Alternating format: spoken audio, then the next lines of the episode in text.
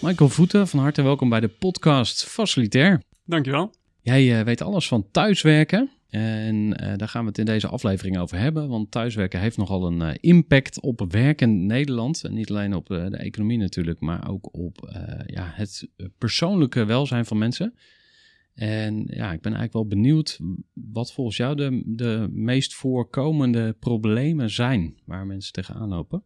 Mm -hmm. uh, maar voor we naar de problemen gaan, misschien wil jij eens even schetsen. Uh, wat heb jij met het onderwerp thuiswerken? Ja, nou ja, het is mij eigenlijk uh, toegeworpen zoals iedereen in één keer het thuiswerken toegeworpen is. want we zaten natuurlijk in één keer in een hele andere situatie. Iedereen moest thuiswerken. kwam daar in een situatie terecht die daar niet helemaal op voorbereid was. Nou ja, ik uh, heb een achtergrond in een kantoorinrichting. Uh, en in één keer kreeg ik alleen nog maar vragen van mensen van... joh, ik heb voor thuis wat nodig.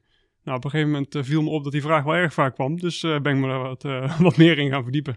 Ja, en je hebt een bedrijf staan of zitten.nl. Ja, nou, wij, zijn, ja. wij, staan op dit moment deze podcast op te nemen. En je hebt ook de werkplek hier gerealiseerd. de verstelbare werkplek. Ja, ik ben wel blij dat je er ook echt gebruik van maakt. Hè? Ook al is dat misschien nu alleen deze ene keer nou ik er ben. Maar uh, nee, ik geloof, dat je, ik geloof echt wel dat je dat, uh, dat, je dat doet. Nee, klopt. Ik uh, ben zelf echt een ambassadeur van wisselen tussen staand en zittend werken. Het is ja, eigenlijk geboren uit een persoonlijke overtuiging en een, en een hobby. Um, vijf en een half jaar geleden. Um, en ik denk dat we met z'n allen te veel zitten. En nou ja, nu heb ik mijn focus verschoven. Want nou vind ik dat we allemaal te veel thuis zitten. Ja, ja nu gaat het weer uh, de verkeerde kant op. Hey, en even terug naar die, naar die fascinatie voor um, ergonomie, of ja, hoe je het ook wil noemen. Vertel eens, hoe zit dat precies? Nou, het is eigenlijk ontstaan omdat een collega van mij was een jonge gast, die was in het weekend door zijn rug gegaan. En die heeft een week lang op zijn knieën voor zijn bureau zitten werken, omdat hij gewoon zo'n last had van zijn onderrug, dat hij niet op een stoel kon zitten. Nou ja, ik dacht, dat slaat nergens op. waarom kan hij dan niet gewoon staand werken? Nou, toen kwam ik erachter dat er zit-sta-bureaus bestonden. Maar goed, vijf en een half jaar geleden was dat nog niet in de hele markt bekend. Ik denk, nou, dat moeten meer mensen weten. Daar ga ik iets mee doen. En zo gezegd, zo gedaan. En nu, een aantal jaar later, heb je een bedrijf met, met als focus zit-sta-bureaus. Ja. En hoe gaat het nu met je vriend? ik moet zeggen dat ik hem al lang niet meer gesproken heb. Uh, ik heb hem wel eens, uh, wel eens verteld dat ik hem nog wel eens als anekdote gebruik. En dat, uh, dat vindt hij prima. Ja. En hij kan het moment zich nog go goed herinneren. Of het nog even pijnlijk is, weet ik niet. Maar hij heeft ervan geleerd. Hij heeft je in ieder geval niet meer gebeld met rugklachten. Dus dat lijkt me positief. Wat, wat voor soort klanten heb jij? Nou, het is echt heel divers. Uh, het, uh, dat gaat echt van, uh, van bedrijven, klein en groot, maar nu ook vooral voor thuiswerkplekken. En thuiswerkplekken is dan van nou, gewoon werknemers, maar ook van kleinzakelijk, ZZP'ers. Ja, dus het gaat eigenlijk alle kanten op. En ik merkte dat de, ja, de afgelopen jaren merk je sowieso dat er veel meer aandacht is voor het onderwerp zitten. Uh, ik, ik, blijf er altijd van weg, want ik vind het zo'n zo'n dooddoener. Maar het zitten is het nieuwe roken. Hè? Je hoort hem vaker. En waarom is dat precies zo? Kan je dat eens uitleggen? Nou ja, het brengt allerlei gezondheidsrisico's met zich mee. En er zijn in de afgelopen jaren gewoon heel veel onderzoeken gedaan uh, naar wat, uh, wat het nou met je doet. Maar je moet je maar eens even voorstellen, als je bedenkt um, hoeveel je op een dag zit. En dan vind ik het altijd leuk om mensen te vragen. En dat is nu een beetje ja, achterhaald, want wat je normaal doet is je gaat aan de ontbijttafel zitten. En dan uh, ga je naar je werk. Nou, we reden gemiddeld uh, drie kwartier. Zaten we in de auto. Ga je daar even vier uurtjes zitten werken. Ga je lekker lunchen aan de, aan de lunchtafel. Uh, vervolgens nog vier uurtjes in overleg zitten. Weer drie kwartier terug. Eten aan de eetkamertafel. Vervolgens ben je natuurlijk na zo'n dag hartstikke moe. En dan denk je, joh, ik ga even lekker op de bank zitten. En als je dat allemaal bij elkaar optelt, dan uh, heb je praktisch de hele dag gezeten. Nu is het iets anders. Nu halen we die drie kwartier reistijd aan het begin en aan het einde weg. Maar ja, die hebben we vervangen aan uh, nog meer aan je eetkamertafel zitten. Ja, ik, ik zie ook wel heel veel mensen wandelen tegenwoordig. Dat lijkt me eigenlijk juist een goede ontwikkeling. Dus ja, mensen nou ja, zeker, meer zeker. wandelen. Ja, nou ja, als je weinig andere dingen kan doen, dan uh, ga je de dingen doen die, die nog wel kunnen. En uh, nee, absoluut, uh, wandelen is hartstikke goed. En dat is ook iets wat je zeker moet doen. En dat is ook heel goed om dat gedurende de werkdag te doen. Want wat uh, slecht is, of in ieder geval wat, wat, minder goed blijkt te werken, is wanneer je de hele dag zit en dan vervolgens uh, s'avonds een keertje gaat sporten. En dan denk je, nou, ik heb toch genoeg bewogen. Maar in al die uren achter elkaar zitten, uh, doe je eigenlijk je lichaam meer schade aan dan dat je goed kunt maken met het beetje sporten. Dus je kunt veel beter gedurende de werkdag een aantal momenten hebben waarop je beweegt. Nou en dat kan dus bijvoorbeeld door gewoon gedurende je werk te wisselen tussen staan en zitten. Maar dat kan inderdaad ook door even tussen de middag een goede wandeling te gaan maken. Maar ja, nu je thuis zit, kan dat ook in hele kleine dingen zitten. Zoals bijvoorbeeld, neem niet een pot met thee mee naar zolder als je daar zit, maar doe een glas. Want ja, dan moet je weer een keertje vaker heen en weer lopen om thee te halen. En drink ook vooral veel thee, want dan moet je vervolgens weer veel naar het toilet. Nou daar sta je ook weer een paar keer op. Het zijn allemaal kleine dingetjes die, die, die, die, die meehelpen. Maar ik ben het helemaal met je eens dat we meer wandelen, dat is wel een positief effect. Ja, en eigenlijk ook uh, noodzakelijk, als ik je goed begrijp. Hè? Want uh, nou ja, zitten is een nieuwe roken. Dat is inderdaad een, een, een, uh, een, cliché. En ik denk dat de meeste mensen die luisteren ook wel overtuigd zijn van het feit dat mensen ja, veel moeten bewegen gedurende de werkdag. En nu wil ik naar volgende vraag. En dat is denk ik voor jou misschien um, ook relevant. Want hoe krijg je mensen nou in beweging als werkgever? Ja, dat is een lastige. En zeker nu je mensen een beetje uit het, uh, uit het zicht verloren hebt. Uh, kijk, je kunt. Het belangrijkste is informatieverschaffing. Hè? Want dat soort kleine tips, zoals ik net noemde, dat, dat zijn hele simpele dingen die je kunt doen. en nou, wat, je, wat je zelf ook al aangeeft, mensen zijn er wel van overtuigd dat het, dat het niet goed is om de hele tijd te zitten. dus mensen zijn best wel bereid om, om daar iets aan te doen. Maar maak gewoon bepaalde afspraken. Hè? Maak afspraken dat je minimaal vijf tot tien minuten of zelfs een kwartier tussen iedere meeting moet hebben. En dat je dus niet eh, back-to-back meetings gaat plannen. Want wat ga je dan krijgen? Ja, dan blijf je zitten, want je moet meteen weer in de volgende. Um, dat soort kleine tips en afspraken, dat kan helpen om mensen in de beweging te krijgen. Uh, daarnaast kun je natuurlijk centraal kun je dingen regelen. Um, er is bijvoorbeeld pauzesoftware. Ik, ik, ken, ik gebruik zelf dan Pauzit. Dat is een, eh, een digitale avatar die dan uh, in, in beeld komt, die je uitnodigt om wat oefeningen te doen. Ook dat weer, als mensen gewoon getriggerd worden en zich bedenken: hey, verrek, ik zit alweer twee uur. Laat ik inderdaad even een paar van die rek- en strek oefeningen doen. Dat kan zeker helpen om mensen in beweging te krijgen. Ja, en um, zijn er nog meer ideeën daarvoor? Want ik heb geleerd ook uit de gedragswetenschappen hè, dat als je mensen iets wil laten doen, moet je de drempel heel laag maken. Dus bijvoorbeeld als je wil dat mensen fruit eten, dan moet je het voor hun neus leggen en dan gaan ze het pakken. Hoe, hoe, hoe zouden we dat principe kunnen toepassen op, de, uh, op een gezonde werkplek? Um, ja, zorg dat die werkplek dus uh, uitnodigt tot beweging. Hè? Dat, en dat kan, nou, ik ben daarin absoluut bevooroordeeld, maar zorg dan voor een, uh, voor een zit-sta-bureau. Of zorg voor een, voor, voor, een actieve stoel bijvoorbeeld, zodat mensen niet onderuit gaan zitten. En ik denk zelf dat het altijd begint met inzicht. Maak ook voor mensen inzichtelijk hoe, het, uh, hoe, ze, hoe ze bezig zijn. Dus uh, hou ze eigenlijk een, uh, hou ze even de spiegel voor. Um, maar dat zou je ook bijvoorbeeld kunnen doen met, met digitale hulpmiddelen zoals een, een, fit, een, Fitbit of zo. Dus een activity tracker. Laat ze zien hoe weinig stappen ze eigenlijk zetten. ik kan me herinneren dat de eerste keer dat ik zo'n ding droeg, dat ik toch wel dacht, verrek joh, ik, zit wel, of ik heb wel heel weinig stappen. Dat nodigt uiteindelijk uit tot er iets aan doen. Ja, en dan heb je mensen die van nature al heel erg proactief zijn en graag nieuwe dingen uitproberen. Dus hè, een Fitbit kopen en misschien zelfs op eigen kosten. En dan heb je ook uh, misschien mensen die uh, ja, wel daarin meegaan. Dus stel dat je als werkgever een Fitbit geeft, die zeggen, nou prima, ga ik doen. En dan heb je ook nog een groep die, die wil nergens aan meedoen. Maar uh, wat ik ermee wil zeggen is van, je hebt zoveel verschillende mensen sommige mensen zullen vanuit uh, een soort persoonlijk leiderschap al zelf initiatief nemen. Maar hoe, hoe moet je nou omgaan met die groep die uh, ja, wat, wat minder happig is op allerlei ingrepen, zeker als het in de privésfeer is?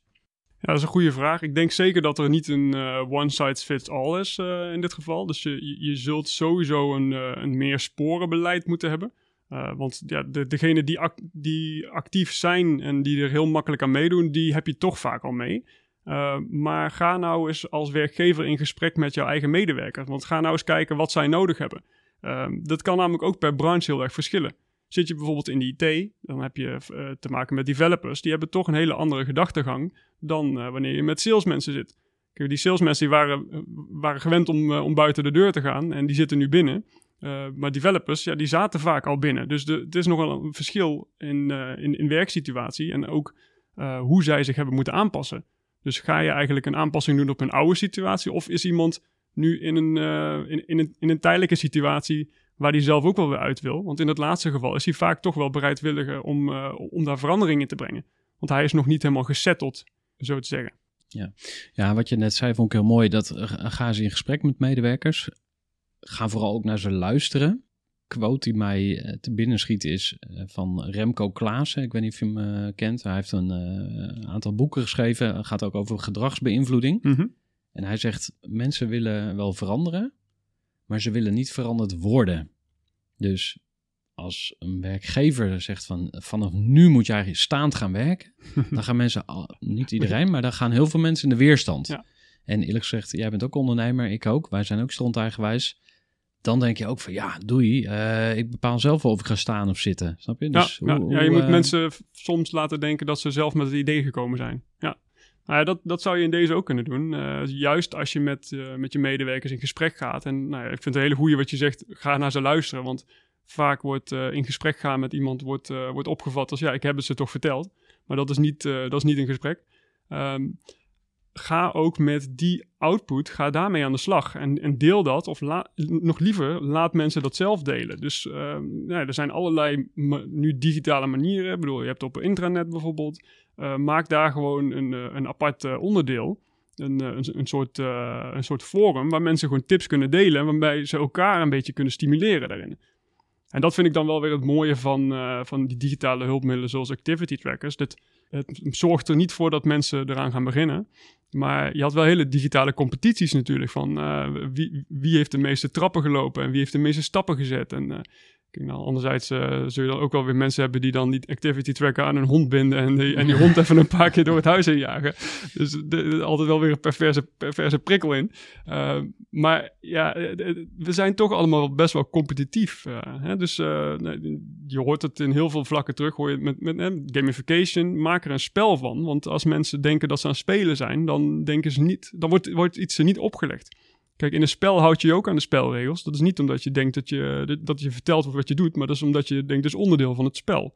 Uh, ik denk dat dat hier ook wel in kan werken. Ja, dus uh, eigenlijk zeg je van, je zou een challenge kunnen starten, of je zou op welke manier dan ook gamification kunnen toepassen om, om mensen in beweging te krijgen. Ja. We hebben het gehad over uh, allerlei oplossingen die er zijn om mensen thuis meer actief ja, te laten werken, in beweging te brengen. Maar misschien zijn we uh, even over het probleem heen gestapt. Want ja, waarom is het eigenlijk een probleem? Uh, is dat nog steeds aan de orde? Dat is misschien ook een goede vraag. Omdat, ja, ik zou zeggen, COVID is in maart 2020 begonnen. Volgens mij is alles al geregeld, toch? Of niet? Nou, dat zou, erg mooi zijn als het zo was. Uh, ja, nee, de, ook daarin zag je wel een, een, een, ja, een, soort golven. Hè? Dat, de, letterlijk in de eerste golf van corona zag je toch een beetje dat iedereen een afwachtende houding had. Want iedereen dacht, joh, het zal niet zo lang duren. Hè? Binnenkort mogen we weer naar kantoor. Um, er waren een aantal mensen die zelf wat aanschaften. Hè? Dus die dachten, ik ga mijn eigen werkplek inrichten, want ik zie er wel gebeuren dat dit uh, langere tijd duurt. Werkgevers hadden daarin een hele afwachtende houding. Ik heb zelfs werkgevers gesproken die zeiden, nee joh, bij ons mogen ze gewoon naar kantoor komen. Dat hebben we het liefste. Ja, ter terwijl natuurlijk vanuit de, uh, vanuit de overheid was, uh, was het devies was, werk thuis. Nou, vervolgens gingen we iets terug naar kantoor. En nou ja, toen uh, in de tweede golf zag je wel dat het wat meer los begon te komen. Toen zijn er ook nog steeds mensen geweest die zelf dingen aangeschaft hebben. Maar toen zijn ook de eerste werkgevers uh, ermee aan de slag gegaan. Wil niet zeggen dat ze misschien niet uh, intern daar al lang mee bezig waren. Maar ja, soms gaat het nogal stroperig. Um, iedereen is ook wel een beetje zelf het wiel uit aan het vinden. Want je, hebt natuurlijk bedrijven die dan uh, die, die, die, die, spullen geven. Hè, dus die de spullen ter beschikking stellen. Uh, de, wel in leen, dan wel uh, omdat ze het, uh, de, dat ze het geven. Anderen die geven een vergoeding, anderen laten weer declareren. En het nadeel daarvan is dat er best wel veel getouwtrekt wordt. En dan zijn er best wel veel partijen die daar wat van vinden. Kijk, een werk, werknemer wil het liefst dat het allemaal, allemaal verzorgd wordt. Een werkgever zegt van, joh, ik heb net een nieuw kantoorpand ingericht. ik vond dat eigenlijk wel duur zat. en de bonden die hebben daar ook vaak nog wel een mening over. Uh, en, en heel, veel, heel veel zie je gebeuren dat ze naar elkaar wijzen en dat ze een, een, standpunt innemen in plaats van dat ze ook weer met elkaar in gesprek gaan. Hè? Dus weer dat typische gesprek van ja, maar ik heb toch gezegd dat. En ze luisteren ondertussen niet naar elkaar. Het is, het is absoluut niet zo dat alles inmiddels geregeld is. Uh, dat is ook gewoon echt te zien aan het aantal mensen dat nog contact opneemt en het aantal mensen dat, dat nog bestellingen plaatst. En dan inderdaad gewoon aankomen met, met allerlei klachten en aangeven, joh, ja, ik, ik ga maar extra naar de fysio of ja, ik, ik ga het nou toch maar zelf regelen, want vanuit mijn werkgever duurt het te lang. en ondertussen zit, ja, heb ik gewoon enorm last van hoofdpijn, heb ik last van mijn rug, heb ik last van dit, heb ik last van dat. Nou, dat zie je ook echt terug in de cijfers. Ik bedoel, de afgelopen tijd zijn daar veel berichten over gekomen. Dat fysiotherapeuten, ja, daar loopt het gewoon storm. Sterker nog, ik hoorde vanochtend op de radio dat de chiropractors die willen graag weer aan de slag. Want er zijn allemaal mensen die enorm veel klachten hebben. En blijkbaar mochten chiropractors nu niet hun, hun beroep uitoefenen. Ja, wat is, denk je, de, de, de, de grootste bottleneck om een goede thuiswerkplek te realiseren? Want je had het al even over getouwtrek. Ja, wat, wat staat er nog meer in de weg? Uiteindelijk gaat het allemaal om geld. Ik bedoel, als, er, als er genoeg geld was, dan, dan, dan was er nooit een probleem geweest. Kijk, een, uh, een, een, werknemer die, um, die wijst vaak naar de werkgever. Want ja, ze zijn werkzaamheden aan het doen, dus ze vinden dat, het, dat de werkgever het moet betalen. De werkgever, nou, die, wat ik net al zei, die heeft, ook, heeft daar ook een standpunt in. De, de wetgeving speelt er ook nog in mee. Want ja, je kunt als werkgever wel heel erg welwillend zijn om dingen te geven. Maar de, dan, dan zegt de Belastingdienst van... hé, hey, je bent dingen aan het geven, dat is secundair. dus ga er maar weer belasting over betalen. Dus het wordt allemaal in één keer echt exponentieel duurder uiteindelijk is dat geld wel het, het belangrijkste. Ik bedoel, uh, en ook duidelijkheid. Wat ik wel mee wil geven, is dat, dat mensen soms vergeten dat er ook kleine aanpassingen nodig zijn. Want ik, ik hoor vaak zat van mensen, ja, maar ik heb helemaal geen plek voor een zitstaarbureau. Of ik heb helemaal geen plek voor een bureau überhaupt. Uh, maar ook dan zijn er wel mogelijkheden. Ik bedoel, uh, het, de beste tip die ik iemand kan geven is zorg voor een laptop standaard, een extern toetsenbord en een muis er zijn gewoon, ik dacht ook, dat heeft inmiddels iedereen toch wel. Maar er zijn echt nog steeds mensen die dat niet hebben. Nou ja, en aan de eetkamertafel, op een eetkamerstoel, aan je, op je laptop zitten werken. Nou, dat is gewoon echt een, een recept voor, uh, voor, voor, voor, allerlei klachten. Dat mensen dat zo lang vol hebben gehouden, dat is mij überhaupt al een, daar verbaas ik me sowieso al over. Maar zorg dus inderdaad voor zo'n, voor zo'n standaard en een toetsenbord en een muis. Ga vervolgens kijken naar hoe je zit.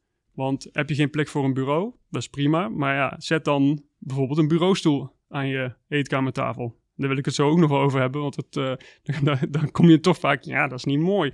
Ja, klopt. Misschien is het inderdaad niet het mooiste om te hebben, maar daar, daar zullen we het zo wel even over hebben. Maar vergeet niet dat een eetkamertafel is uh, over het algemeen hoger dan een bureau. Dus uh, je, je, zit veel verder met je armen vooruitgestrekt om dat te compenseren. Um, waardoor je vaker last gaat krijgen van je nek en van je schouders. Dus je moet eigenlijk wat hoger zitten. Maar ja, doe je dat, kunnen mensen weer niet bij de grond. Nou ja, in dat geval uh, zou je ook een voetenbankje kunnen gebruiken. Dus er zijn altijd wel kleine aanpassingen mogelijk. Uh, ook wanneer je niet een, uh, een, een, verstelbaar bureau in huis kunt hebben. Wat ik me ook helemaal voor kan stellen, hè, zeker nu. Er zitten meerdere mensen thuis te werken. Ehm, ik had een relatie van mij die had een hartstikke mooie thuiswerkplek. Die werd ingenomen door zijn vrouw. Vervolgens uh, werd zijn dochter moest ook thuiswerken. Dus uh, de, zijn alternatieve plek aan de eetkamertafel werd ingenomen door zijn dochter. Uh, ja, en hij was een soort een zwerver door zijn eigen huis. Want alle goede werkplekken waren al vergeven. Dus die moest ook weer op zoek naar iets anders. Dus ik snap dat er... ja, je hebt niet, niet, niet altijd zat plek om, om overal maar voor iedereen een ergonomische werkplek in te richten. Ja, dus jij zegt eigenlijk van... ja, er is uh, geld, hè, want daar hadden we het hiervoor over. Geld is een, een belangrijk obstakel uh, om te investeren in, in, een goede thuiswerkplek. Om daar even op in te zoomen. Volgens mij kost ziekteverzuim ook veel geld. Dus waarom zou een werkplek van 500 euro ja, of ja, 1000 euro, ik weet niet wat het kost, maar waarom zou dat een probleem zijn?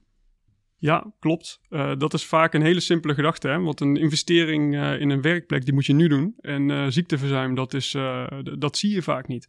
Ik heb het toevallig pas een keertje opgezocht. En een uh, gemiddeld ziekteverzuim kost tussen 250 en 400 euro per dag. Um, in directe en indirecte kosten. Maar goed, dat kan nog veel verder oplopen. Afhankelijk van hoe je bedrijfsvoering is. Dus uh, inderdaad, uh, als je dat soort kosten wil voorkomen, dan, dan, dan is het heel nuttig om een goede investering te doen. En dan is het vanuit de werkgever, is die business case ook wel echt te maken. En het nare daarvan is ook nog eens dat al die cijfers, dat is alleen maar op direct ziekteverzuim. Dus dat is echt als iemand uitvalt. Maar we hebben het vaak nog helemaal niet over uitvallen. Maar bedenk je maar eens als je, als je om, de, om het uur uh, moet gaan rekken en strekken en uh, je, je bent zaggerijnig omdat je denkt, ja, alles zit vast en uh, ik heb hoofdpijn. dat, dat helpt ook niet mee. En dat is geen direct ziekteverzuim, maar dat heeft wel, wel degelijk invloed op, op, je, op je prestaties. Dus dat, dat telt ook allemaal nog mee. We hebben al wat goede tips gekregen om bestaande werkplekken aan te passen. Hè? Want je zegt heel terecht van ja, ehm, tenminste, ik denk dat terecht is, dat is niet zo eenvoudig. Wij hebben thuis ook een, mooie keukentafel. Dan denk je, ja, moet ik daar nou een, een, een Bosch hoog-laag motorapparaat gebeuren onder laten schroeven of niet? Dat, dat doe je niet zo snel. Nou, vanuit de markt zie je gelukkig wel daar steeds meer op ingehaakt worden. En dat, dat hmm. heeft ook tijd nodig natuurlijk. Uh, maar ik wat zag, doen ze dan? Wat, wat, nou, wat ik zag van de week zag ik een hele, hele leuke voorbij komen. Dat was echt een eetkamertafel waar je gewoon een blad omhoog kon klappen. En dan had je daaronder had je een, een werkplek. Um, er zijn ook uh, uh, tafel, eetkamertafels waarbij de helft is in hoogte verstelbaar. Dus het eigenlijk in de poot zit ook iets verwerkt. Er zijn überhaupt ook gewoon uh, kleinere uh, zitstaarbureaus en ook kleinere bureaus uh, in de maak. Want ja, ehm, heb je niet een plek voor, voor 1,60 bij 80, dan heb je misschien wel voor een wat kleiner plekje. Die zien er vaak ook wat leuker uit. Hè? Dat, het grappige is, in de keten zie je ook dat in één keer hele andere kleuren zijn, zijn nou in trek. vaak willen mensen toch zwart uh, en dan met een uh, houtkleurig blad. Uh, dus zwart staal met hout. Dat is toch wel op dit moment een, een, trend die sowieso in huizen heel erg veel te vinden is. In kantoren was dat nog niet. Dus dan zie je ook wel weer dat overal de voorraad leeggetrokken wordt. het heeft altijd even tijd nodig voordat, voordat het zich weer vult. maar gelukkig zijn er wel dat soort initiatieven, creatieve mensen die dus inderdaad met oplossingen komen.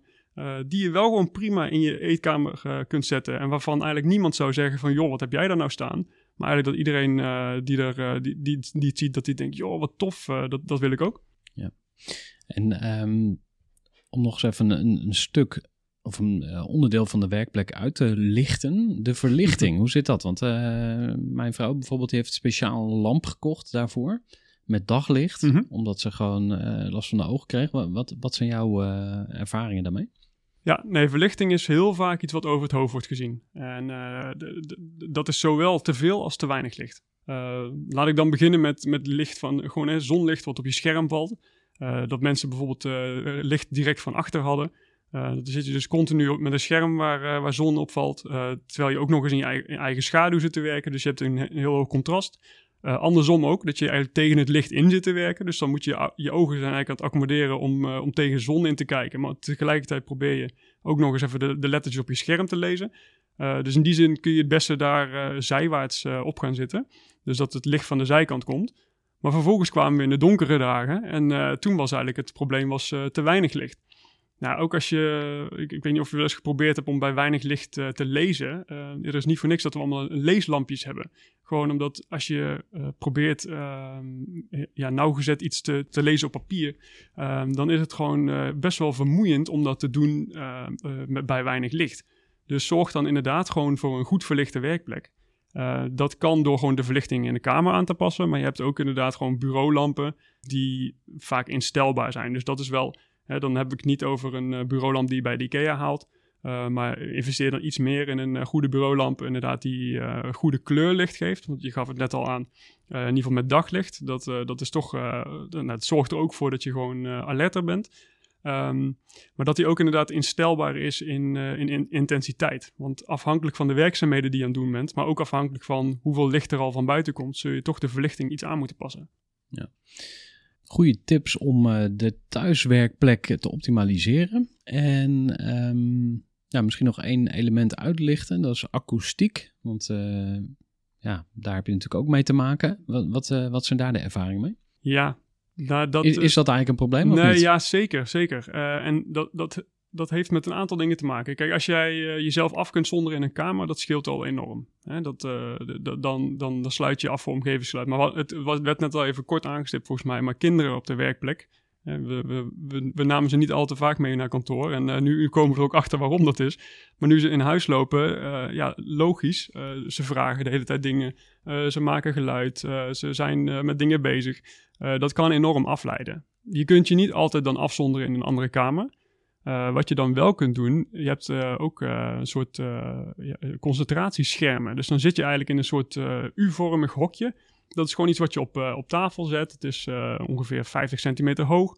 er past precies een, een, laptop en een werkplek in. Ziet er vaak ook nog leuk uit, hè? want het zijn al lang niet meer die simpele schermpjes, maar je hebt er gewoon met een mooie bedrukking erop. dus je, je, kunt eigenlijk bijvoorbeeld naar een mooi sereen landschap zitten kijken. Um, dat zorgt er gewoon heel erg voor dat je toch een beetje in een ja, in, in, een hokje geplaatst wordt, maar dan in positieve zin. Het, het, dempt, uh, het dempt omgevingsgeluid, dus het geeft de auditieve rust. Uh, maar het geeft ook visuele rust, want dat moeten we ook niet vergeten. Dat als jij naar je laptopscherm zit te kijken en je ziet de hele tijd op de achtergrond, zie je allemaal mensen bewegen en doen. En ben je toch continu afgeleid, ga je toch even kijken. Um, dus dan kun je beter even een, een, een, scherm hebben wat je voor je hebt, wat, wat je eigenlijk een beetje afsluit van de omgeving. maar waar je toch heel makkelijk omheen kunt kijken. Dus, hè, dus als je opstaat of even naar rechts of naar links kijkt, dan kun je toch zien wat er gebeurt. Plus, ja, het sluit niet volledig het geluid af, dus je kunt nog steeds wel uh, de omgeving in de gaten houden. Oké. Laten we eens een kleine tijdreis gaan maken.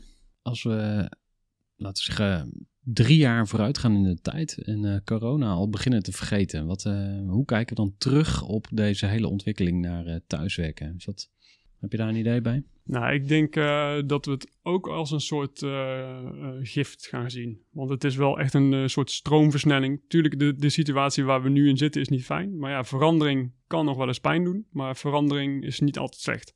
Ehm, ik denk dat we er ook naartoe gaan kijken als iets wat, wat, wat goede dingen heeft gebracht.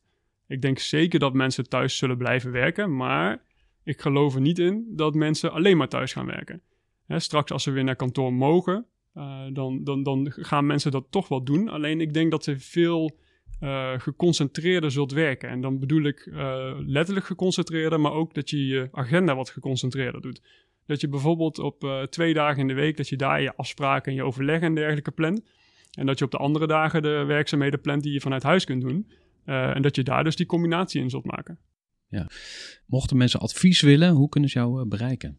Uh, ze kunnen altijd naar de website gaan, uh, naar staanofzitten.nl. Uh, ze mogen mij ook altijd mailen. Dat, nou, het mailadres staat op de site of het mag ook naar michael.staanofzitten.nl. En anders weten ze jou wel te vinden en dan heb jij mijn nummer toch? Sowieso. Mooi. Dankjewel Michael. Alsjeblieft.